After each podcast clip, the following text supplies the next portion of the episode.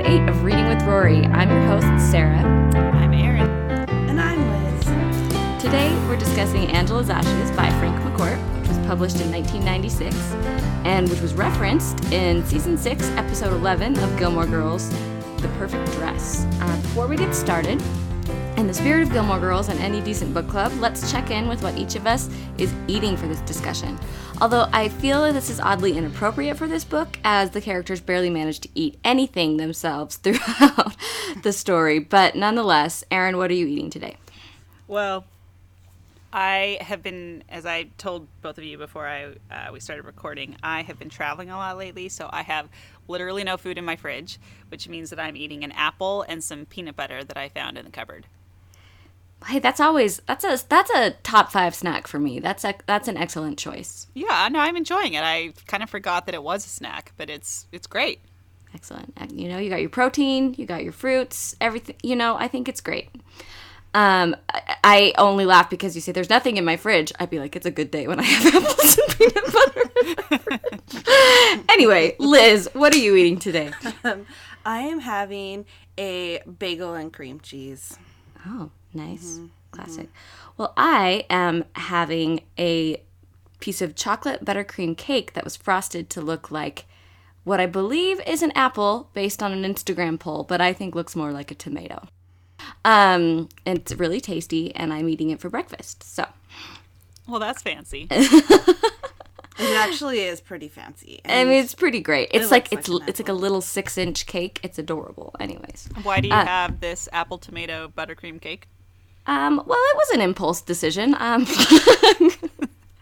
uh, I was at a little little specialty food store that sells these little cakes, and I said to myself, "That's cute. I want it," and so I bought it, and I have no regrets. It was great, and is great. Um, so as we get started, here is a colorful description of today's book from Frank McCourt's obituary in the Telegraph says McCourt's heartrending account of his early life from his days as an infant in New York to his squalid, poverty racked childhood in the slums of Limerick in the 1930s and 40s made for harrowing reading, but it struck a chord with readers around the world as much for its unsentimental style, told from a child's point of view, as for its compelling grimness but many locals in Limerick did not take kindly to having their city's reputation besmirched by stories of the scabby eyed McCourt children reduced to living on bread dipped in tea and feeding the fire with their damp, sodden home feeding the fire in their damp, sodden home with wooden furnishings and coal picked off the street.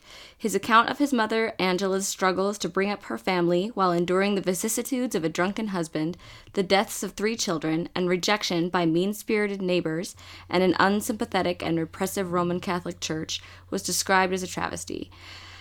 At one point in the chronicle, she even resorts to sleeping with her own cousin to keep a roof over their heads. So, on that cheery note, what do we think? Well, I want to know your guys' gut reaction, and um, and then tell me how you'd rate it. How many stars would you give this book? Erin, let's start with you. Sure. Um, I really liked this book. I did not really know anything about it before I started reading, which is probably going to be the case for a lot of the books on this list. I'm feeling very um, uneducated in a literary sense as we go through this, but um, but I really, really enjoyed the book. And I think that what a lot of people say about it, that it's understated and that it has some humor in it, but also highlights some of the like tragedy of what it was like to live in this environment. I think he does just such an excellent job with that that it I don't know, like the way he's able to tell this from a child's perspective. I do not remember stuff about my childhood nearly as well as he does. So um, I don't know how he wrote this, but I, I thought it was excellent. I think we'll get into that. Uh huh. Liz? Yeah, I thought it was excellent. Oh, sorry, Erin. What was your rating? How would you How would you rate this? Oh, I I would give it. Um, I would probably give it like a four point five. Okay. Okay. I feel that. All right, Liz. What about you? Okay, well, I'm coming in at a four on this one. I do like it, and I liked it. I read it, uh, I don't know, like years ago, but I reread it this time, and my when before I started rereading it, I'm like, oh no, I remember this being depressing, right? Like this is kind uh, is kind of, you know, sad. There's lots of sad parts to it, and there were. I, that's true. But as I read it this time, there were lots more things that stood out to me that I would found funny or found just as interesting way that he kind of glossed over certain things and highlighted certain things that like a boy would um, necessarily focus on not, not necessarily how his mom feels at a certain point, but how he feels at a certain Yeah. point. And um, yeah, no, I really enjoyed reading it, and I think as a memoir, it's a fascinating glimpse at how we see things years later in our lives and what that how that stands out to us and how it shapes us. Absolutely. I'm with Liz. I landed on about a 4 for this. I really liked it. I like I liked, you know, the unsentimental voice of, you know, young Frank, his perspective. Um and it, it does really vividly illustrate the you know this this world that they lived in which was which was pretty bleak. Um, but you know with this wry sense of humor and this observational uh, tone that was that was really that was really fascinating i thought. Um, and really powerful in some places i think. Um, so yeah i'm gonna go with with about a four because i really i really did enjoy it but i, I there was part of it lacking for me in the sense that i um, like liz said maybe frank's lack of lack of empathy for angela but for me it was more um, I just kind of found myself being like, where Erin's like, wow, it's amazing that he remembered all this. Part of me was like, nah, did he really remember all this? I think he's making this up. so um, that was um, that was kind of my reaction. But even if you know, because I think we all sort of patch our memories with different things and it's it's impossible to remember anything with complete objectivity so we'll talk about that i hope but um before we dive in, kind of want to talk about how the book was received largely when it was published. So it was a huge commercial and critical success. It won the Pulitzer Prize for biography and sold over a million copies. But it actually wasn't um, well received in Ireland. Uh, people really uh, took took issue with it, which I think um, McCourt expected. But I was looking at I was kind of just looking at other Goodreads reviews to see what people think of it, and I found this one, which I just thought was too good not to share. So it's a scorching take from a native Irish reader, um, Goodreads user named David, and it says The worst offender of the last 20 years has to be the uniquely meretricious drivel that constitutes Angela's Ashes. Dishonest at every level, Slimeball McCourt managed to parlay his mawkish maunderings to commercial success, presumably because the particular assortment of rain sodden cliches hawked in the book not only dovetails beautifully with the stereotypes lodged in the brain of every American of Irish descent, but also panders to the lummox's collective need to feel superior because they have managed to transcend their primitive bog soaked origins, escaping the grinding poverty imagined in the book to achieve what? Spiritual fulfillment in the split level comfort of a Long Island ranch home? And Frankie the Pimp misses not a beat, tailoring his mendacity to warp the portrayal of reality in just the way his audience likes. No native Irish read- reader, myself included, has anything but the deepest contempt for this particular exercise in literary prostitution and the cynical weasel responsible for it. And then he ends with this uh, parenthetical. My apologies to the fine people of Long Island for the unnecessary vehemence of the implied slur in the above review. Clearly, it is not meant to be all encompassing. Oh my gosh, that's amazing. so I loved it. So again, not everyone loves this, especially not the Irish. But um, hopefully, we'll talk about that in a little bit later. But let's dive in. So, why does this book matter? What um, what is it that really stood out to you um, that you take away from this book? Erin, let's start with you. Well, I think so. I think the idea of a memoir is fascinating, and you know, kind of like you were saying earlier, Sarah, writing down your own stories. Um, you have a, a question here. You know, are we the best people to tell our own stories? And maybe I'm jumping the gun, so sorry if I'm ruining no, your your you're uh, not. order, your flow here. But uh, but I don't know. I've been thinking a lot about that. And yes, there was absolutely a part of me when I was reading this. It was like, there is no way that he remembered that much detail, especially starting how, out how young he is in the book. Um, however, I'm sure he also used his brothers to help him fill in some of the details as he was going through this. And it sounds like he you know had had a lot of practice telling these stories anyway to his family and friends. And then they were like you need to write this down. Um, so i don't know. I think it's i think in terms of a memoir and in terms of understanding um, sorry, I have I have like two different thoughts here. So the first one is the importance of like memoirs and of writing down our own histories. The second is when stories are able to highlight a group of people that we don't often get much perspective into. And he kind of achieves both things with that. So it's one of those things when I was reading through the book, I thought if I were to write a memoir of my own life, like my childhood up to what, like 18, that's about how old he is when he comes to America, when the book ends would anyone find it interesting? Like, would anyone find my childhood remotely interesting? I had the same thought. Yeah. like, I have a very like normal middle class American upbringing in Salt Lake City, Utah. Like, I don't know that anyone would look at that and be like, "Oh, you went out and played in the sprinklers one day. That's super fun. How many lemonade stands did you have? Like, super cool."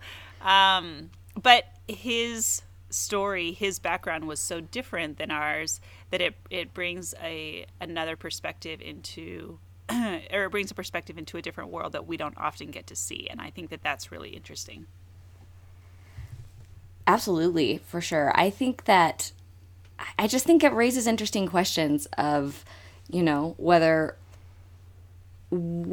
how how we see our own lives is so is so different from how other people see it. Apparently, so this book was kind of workshop like Frankie and Malachy were doing kind of like a stand-up review in the in in New York because um, Malachy was an actor, he was a performer, and so they sort of made a show talking about their lives. And uh, and Angela, their mother, was was there, and this was before she died in 1981, and she and she stood up and she she like yelled at the stage like this is all a pack of lies. I can just picture it in her irish accent but i won't subject you guys to my irish accent. But um but it made me think you know how and and i was talking to liz about this and she raised the point of like even in gilmore girls right? When in the a life when rory was like i want to write this story of our lives and lorelai's like eh no i'm not comfortable with that. You know what i mean? How how we view our lives is different from how others do and and the exercise of writing it um, can be useful to ourselves but you know these are real people and and it's it's it's not a story. It's it's kind of a historical account and how how does what are the implications of that? Are there ethical implications when we're telling our version of our story, but maybe that's not someone else's version, and that's not how they remember things. And um, and so I do think this definitely raises those issues, and um, in a really interesting way. That's a good point. I was thinking too. Is you put your life in this book, right, in this story, and then people come at you, right? Like that critic and not that critic, the Goodreads reader, right, mm-hmm. who rips it to shreds and talks about how you it was hawkish, and I mean, even if you mawkish. are judge, mawkish, yeah. I was like, okay, hawkish, like he's really pro pro pro war. Yeah, okay, he loves hawks. um, so. My point is like that uh, people uh, then have open access to talk about your life in a way that like maybe I wouldn't be comfortable with. Maybe I'm too introverted, but I was actually thinking, and not introverted, but private, I guess, about about things. But I was thinking about how at school, when I'm teaching, sometimes I have these anecdotes that I use to tell to tell illustrate points or whatever, and I tell these stories year after year after year, and sometimes I sit back and think, is that really what happened? Like I've told this story 65 times now out loud and I exaggerate it and make it engaging for students because well that's what you have to do. And that is exactly what Frank McCourt had to do for 30 years too, right? He was he was a storyteller which he came by naturally, but he also was doing it as an educator and he's telling these stories to try and, you know, probably teach points to kids and to help illustrate what, you know, character education to kids and maybe they're not necessarily like true to the true to the what happened form of his life, but they are storytelling. They're his memories as they have taken shape. It's kind of like in the podcast that Malcolm Gladwell did, the uh, revisionist history about memory. Yeah, I was just gonna bring that up. Right, mm where he asked people what happened after 9-11, like through or a study asked people what happened after 9-11, or how they remember points. finding out about yeah, it, or, how yeah. they remember, and it mm-hmm. changes. That alters, and it's not like the facts alter. It's just the way we tell it and reshape it over time is definitely still part of our memory, and so I imagine that some of this was reshaped, but I'm not saying he's like lying to like rip us off, right? McCourt's not like, here, watch this. I'm gonna make everyone think I was miserable and starving mm-hmm. when really I had probably more food. It it was his memory to tell that story and to put it into the book, and I guess that's the genre of memoir, right? We have to take it at its at how a memory really works, which is not always perfect. Yeah, it's not. It's yeah, it's not a historical account. It's it's more an emotional impression, which mm-hmm. he does such a he's such a or for effect, by the way. Like that's also yeah. oh, for sure. Yeah, mm-hmm. yeah. I think it can be both, right? Like, I think that he um he he just observes these just absolutely devastating things with the most wry like removed tone. And I wonder if it's just his way of processing it. When his brothers, when his little twin brothers die, and when the when Eugene dies, I mean that just like punched me in the stomach. I didn't I didn't see it coming, and he's just so matter of fact about it, right? And Eugene died anyway, and on to the next thing, you know. But at the same time, there's still so much pathos and and sadness coming out of it, while it's kind of just like almost told with like the shrug of a shoulder and it's just such an interesting voice i think. Especially we didn't note this but this was actually frank mccourt's very first book. He was 66 years old when it was published and it was you know just this huge sensation. It was a huge sensation and um and he was just this really unique voice and i think that like liz talks about the years of kind of honing your stories and telling them to people really prepared him to write a pretty a pretty crisp memoir first first try out of the gate. And um, you know it does he also was a writing teacher right? yeah yeah he was yeah he was a gifted storyteller. He got that from from his dad. But uh, I just do think it's pretty pretty amazing that this was his very first book. And it was so late in life. It's just kind of an inspiring angle. Anyway so moving on let's talk about what surprised us about this book. Like, we've talked a little bit about that so far, but I want to kind of dive in. Like, what surprised you? What stood out? What really stayed with you? So, I think there are some sections in the book that are just so beautiful. They're, again, kind of going back to this whole way that he could express things in a very understated way, but the point really came across nevertheless. Like, for example, I'm thinking about the times when he's talking about um, sitting on the seventh step and he. The angel. Uh, yeah, and you know, there's a part where he says, you know, I stay on the seventh step till it gets too cold, or Dad gets up and tells me to go back to bed. He's the one who told me the angel comes to the seventh step in the first place, and you'd think he'd know why I'm sitting there one I told him one night that I was waiting for the angel and he said, "Oh, now Francis, you're a bit of a dreamer."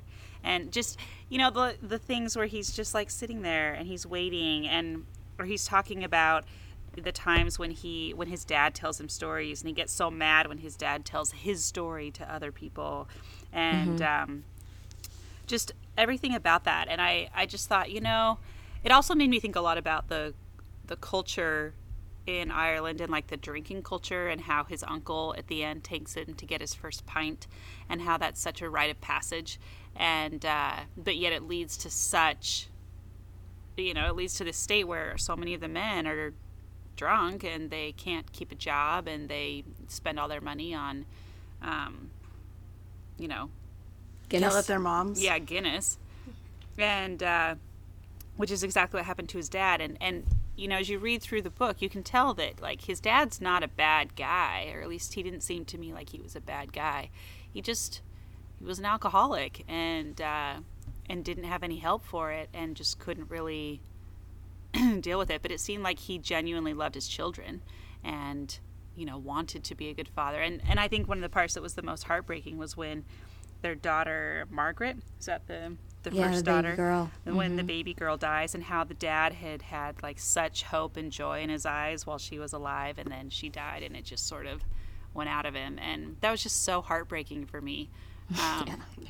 so i don't know i just those little sections like that where he just talks about these really simple things that you can tell just mean so much and uh, but they're just they're just so simple it's just a beautiful way to write it Yeah.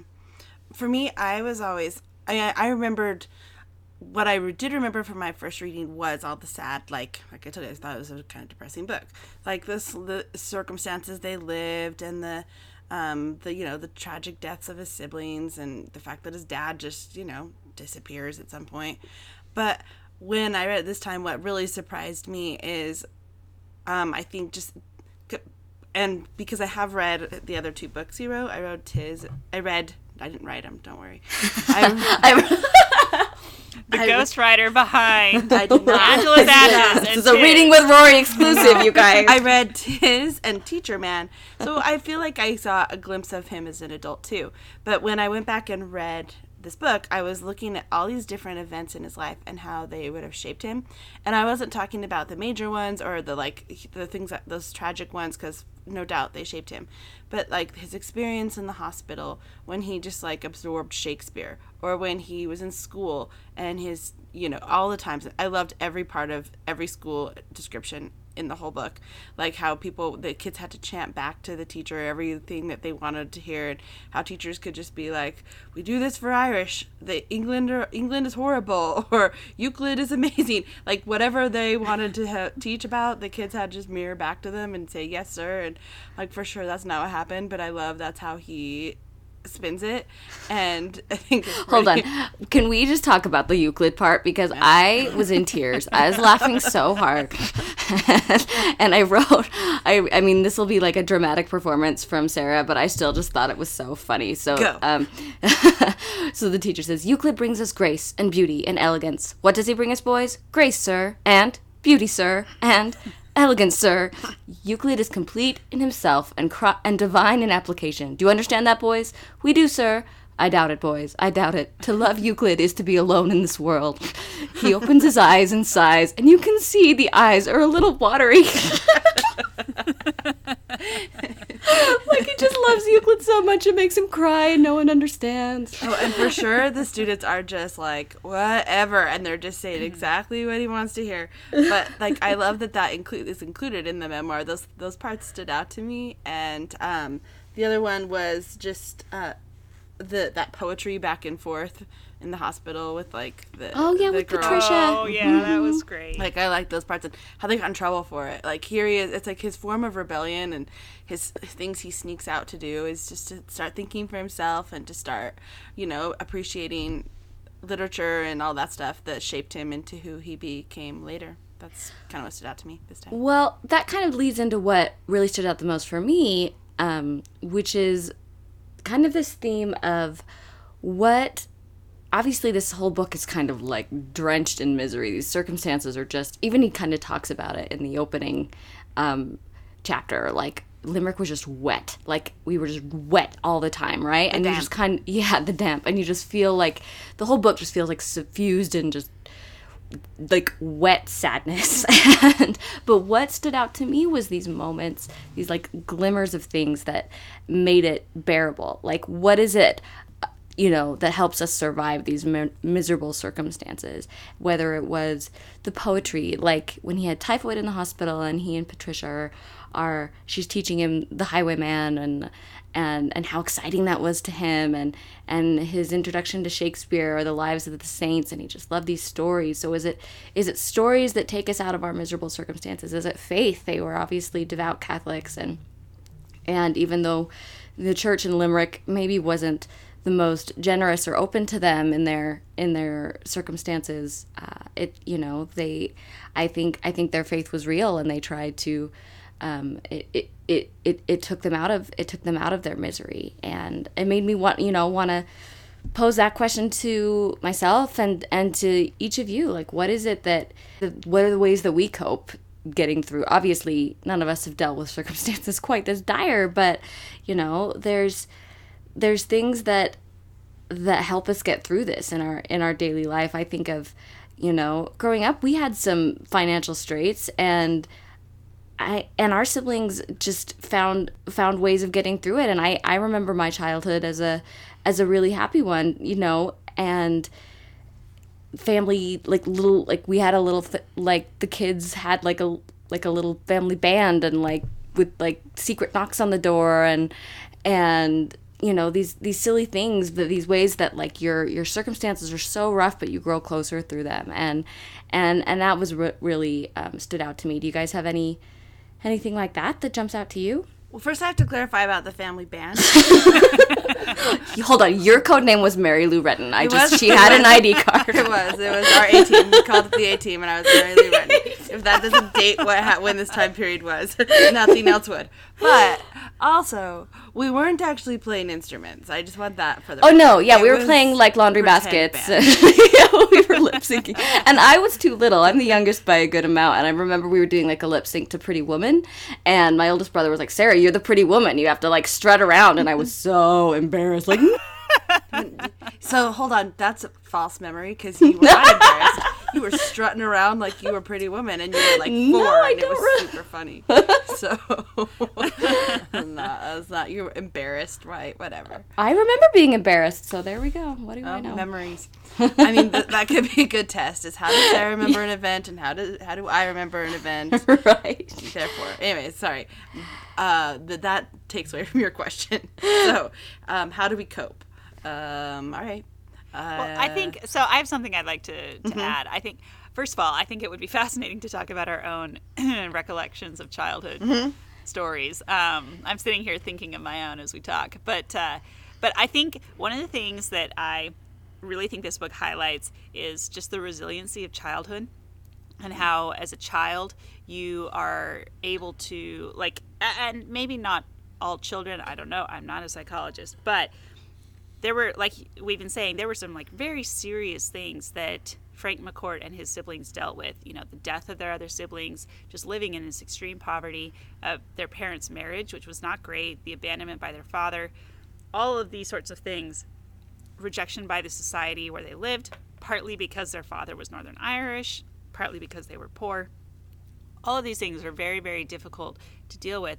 But as children and having each other and having their friends around them it seemed like they were you know it just was kind of like well that's that's life. And they were able to still make some good out of it. You know they still clearly he still found some humor and um, you know just kind of comedy in everyday life just like any other person would. And i think there's something about children that are able to still sort of you know like i said the resiliency of children to kind of pull out of that sometimes maybe it's because they don't ultimately have the responsibility for putting food on the table you know i'm sure it would like for angela her stresses and worries were different than those of her children but um, I, I don't know anyway i've just been kind of thinking about that as we've been talking Yeah, oh, I really like the way you put that. The resilience of childhood. You don't necessarily see the the worst around you. You you yeah.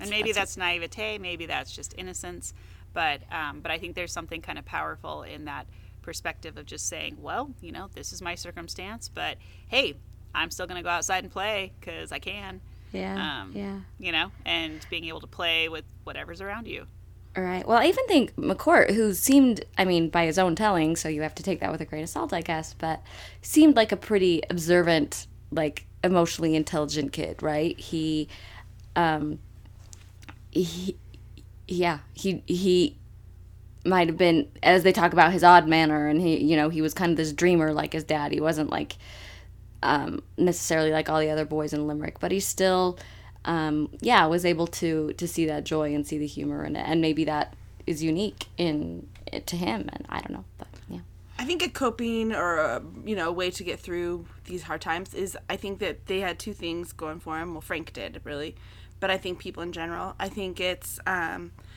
first of all like a community or support, like people who around you can you know come to come to your aid and help when you need it. And it wasn't always you know the St. Vincent de Paul Society necessarily or the people that slammed the doors in Frank's face, but there was always people like his neighbors in Brooklyn who kind of were at his, you know, when he needed help. But I think a community of people or friends, family that can support you, but also that uh, hope, that dream. Frank had a dream to go to America, and it really like drove him for that last part of the book, right? Where everything he did, he was going to do because he wanted to go to America. And that was always what he wanted. And I think that that objective or goal, that driving force in your life, is something that can give you, you know, strength and help you get through things that are difficult, but just having this uh, bigger bigger purpose in life, I guess, whatever that is for you. Sure. Yeah. Yeah.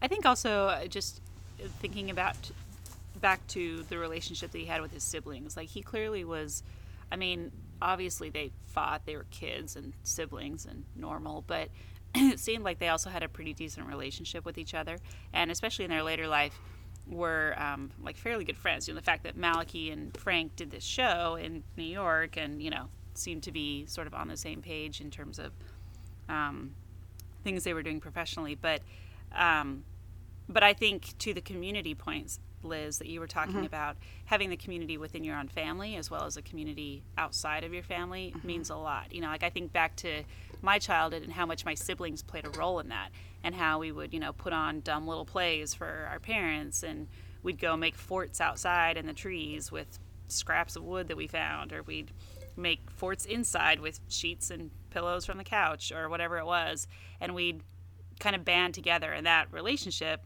lasts your whole life. You know, I mean, even today, my siblings are are people that I can rely on when I'm struggling with things or when I like, you know, don't necessarily love what my parents are doing or whatever it is.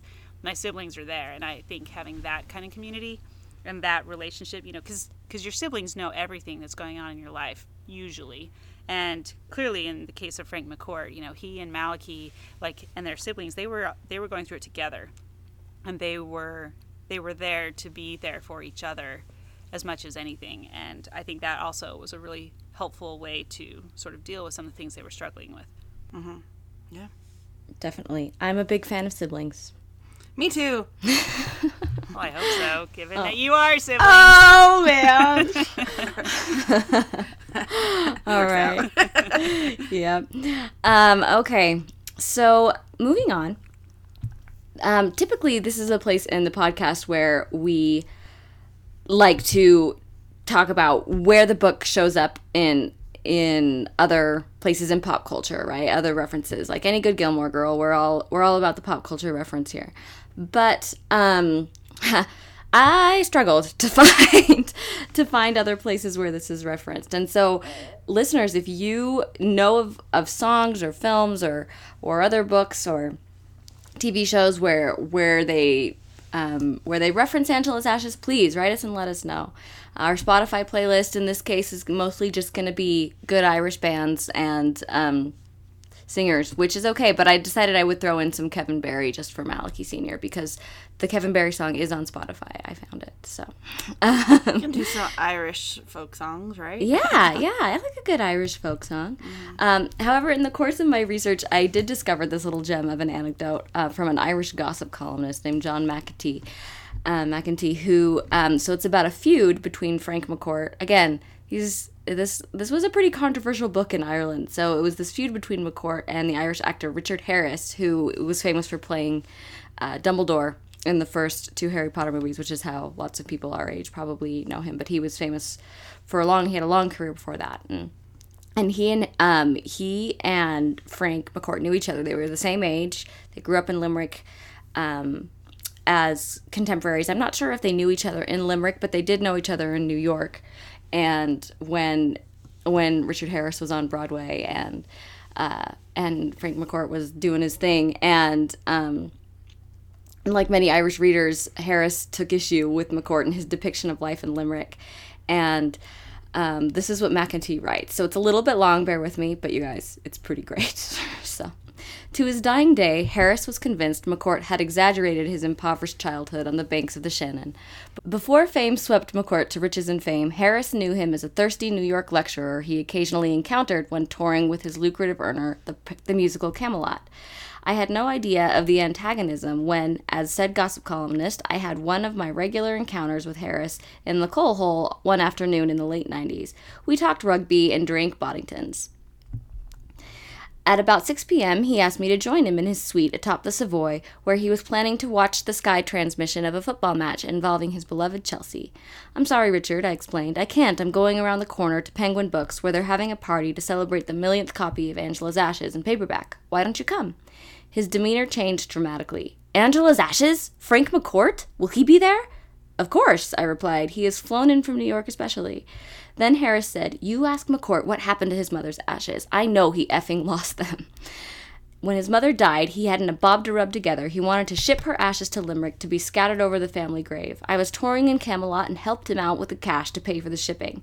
Frank went to a cheap shipper in Queens and he lost his mother's ashes. He effing lost them. You ask him.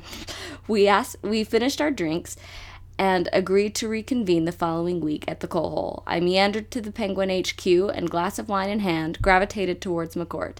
He was surrounded by the usual meteorites of literary female toddy who looked at him with unrequited adoration. I introduced myself. He was charm itself. Then, apropos of nothing, I asked, Tell me, Frank, what happened to your mother's ashes?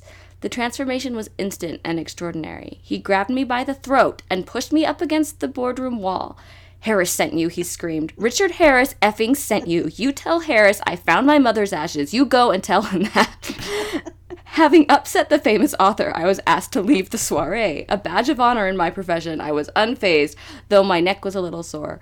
A week later, over more pints of Boddingtons in the coal hole, I told Harris that McCourt had tried to strangle me. He was helpless with mirth. He couldn't stop laughing.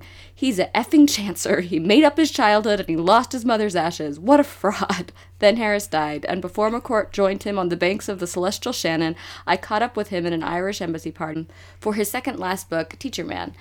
He recognized me and had the good grace to apologize for grabbing me by the throat when I turned up as Harris's unwelcome emissary at Penguin. I can tell you now, yes, we did lose our mother's ashes. I had too much to drink in a Manhattan bar, and we left them behind, but we did eventually retrieve them.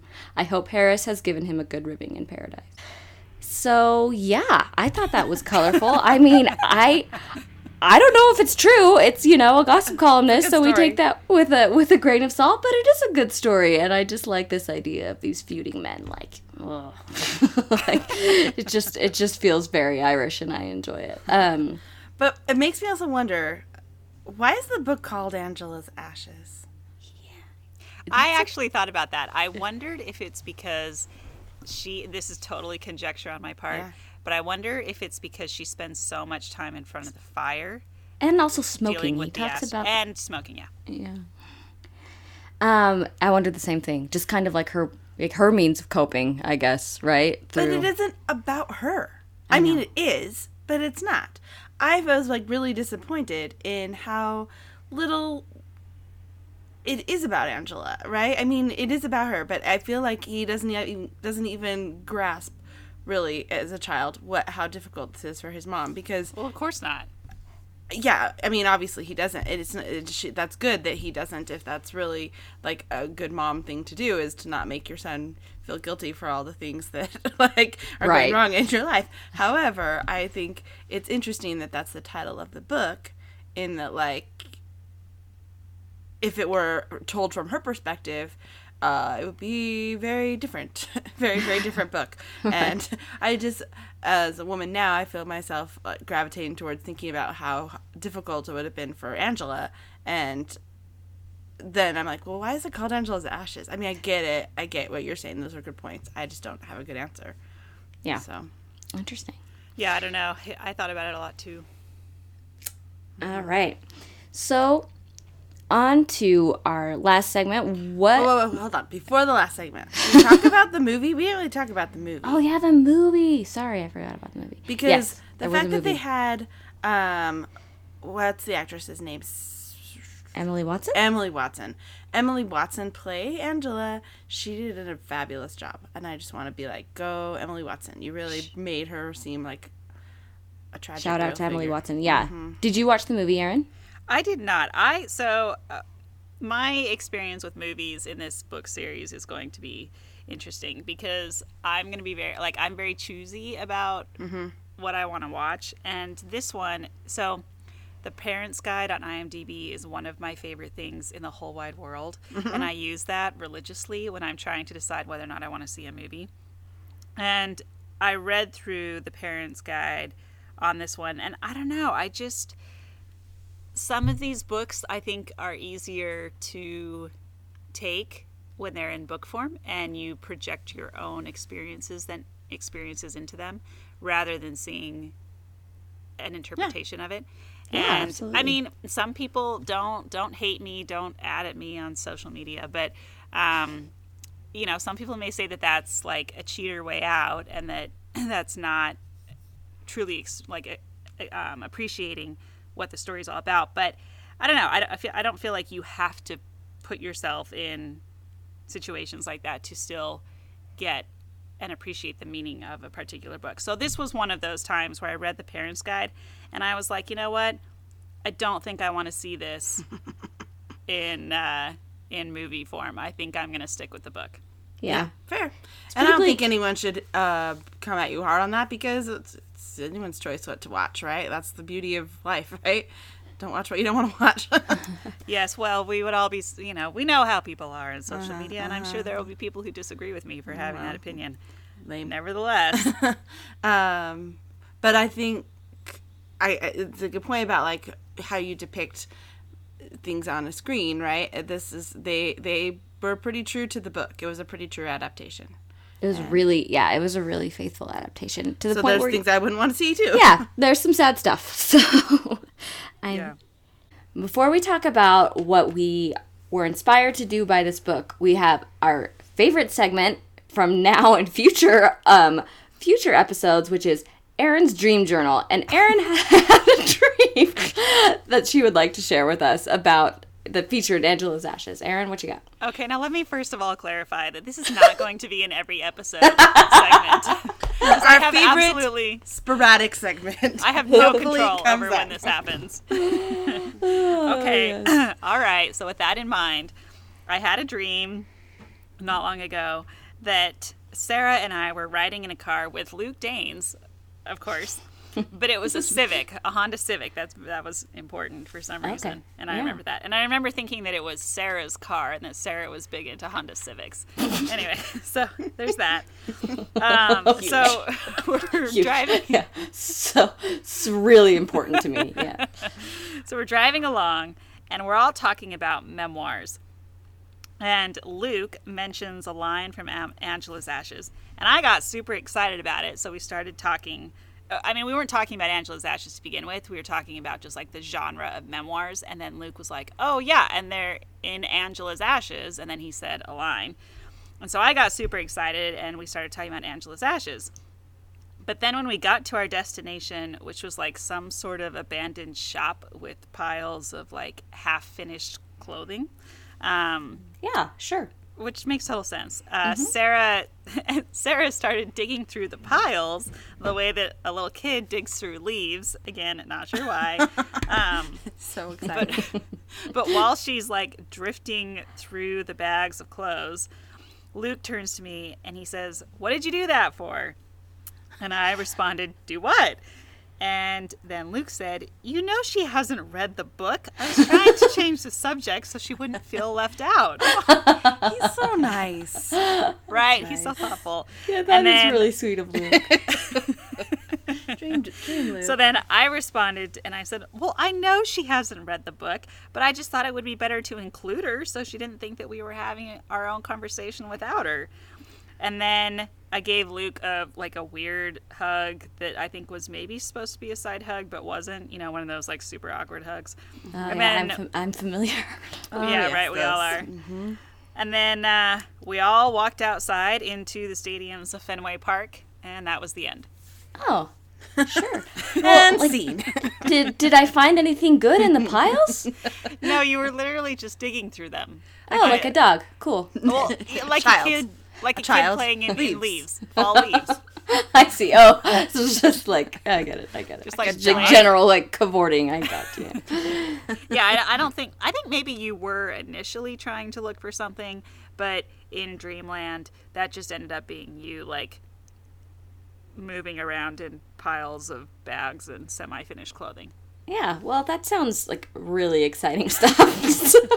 I actually love that you were in Fenway Park and that Luke was like really looking out for everyone's feelings. yeah. It is that's Yeah. good. That's some good stuff in there. Erin. Yeah. So analyze that, everyone. Yes. and Let's let- what that says about Erin's subconscious. Tell us what you think. hashtag podcast. At her for that, for sure. All right. So, you guys, now that we finished the book, what are we inspired to do? Well, I will start. I am inspired to, first of all, be better about journal writing um, because I think that's important. But second, to start writing down the memories and the stories of my grandparents. This is something I've been thinking about a lot um, lately. Is just the importance of writing down their stories because they all have really interesting stories. And you know, World War II vets and you know, women in business. My grandmothers both helped run the businesses that my grandfather started and all sorts of things. And I've just been thinking about their lives and how important it is to write those down before I lose my grandparents.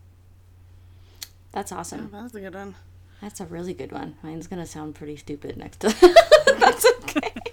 Liz, No judgments on this one. So Yes, no is- judgment. Mine is a threefold. So what I would immediately wanted to do after finishing it, I wanted to go home.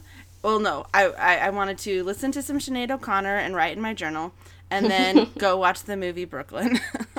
Oh, Brooklyn. So, I love that all movie. those I didn't love that movie. oh, I love it, and I love I that love book. that movie so much, Erin. I love that movie. Well, that's that's wonderful. I liked it, but it was kind of forgettable. oh no. Don't judge me. Um, Don't, no don't at me for that. We're not. No judgments. I. It, it's also just like a prettier view of Ireland, and That's true. Like, uh, I mean, I was just like, oh, I love like that's interesting perspective of Ireland. Okay, now I want to go read Brooklyn again or watch Brooklyn, and um, I also just have a deep love for Sinead O'Connor, and like, so I will also like I really did listen to some Sinead O'Connor, and I. I also thought of the journal part too. I wasn't just stealing from you. I really was thinking like I should be better about keeping a journal. But really, I'll just listen to Sinead O'Connor and watch movies. It is cool. That's good. The usual. I like it. We'll definitely have some Sinead O'Connor on our Spotify playlist. Um, for me, I was inspired to learn more about Euclid because obviously there is a lot that I am missing out on. If you know, Euclid is elegance and grace and beauty and everything that we have according to Frank's teacher is because of Euclid and I don't know anything about Euclid. So I'm going to do a little learning about some geometry and some Euclid because I don't think I have a proper appreciation for it. You know, I'm not going to lie. I'm kind of surprised that none of us were inspired to travel to Ireland. Mm. Really? Like this isn't the Ireland I would want to travel I'm travel like, I can't wait to experience the damp.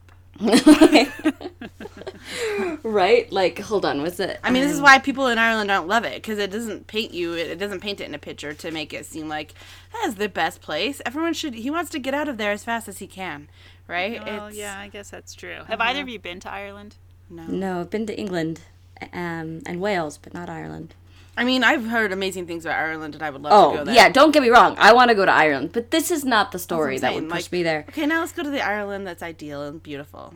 Well, I did go to Ireland a year ago Mm-hmm. in 20 no, 2016, so 2 years ago.